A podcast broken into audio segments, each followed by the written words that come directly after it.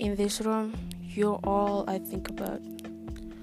Have you ever feel so sleepy, but you refuse to sleep as your mind is full of thoughts? Whenever I feel bad, I play my favorite song and all the sadness go away. I love this song, I really do. I believe I have indescribable connection with certain song and strange things to happen. I no longer have energy to beg people to stay in my life. You can go or you can stay. Life is all about choice. You have your own choice, and so do I. As I realize, sometimes someone came into your life just temporarily, as a passage to another version of life which is better. Maybe.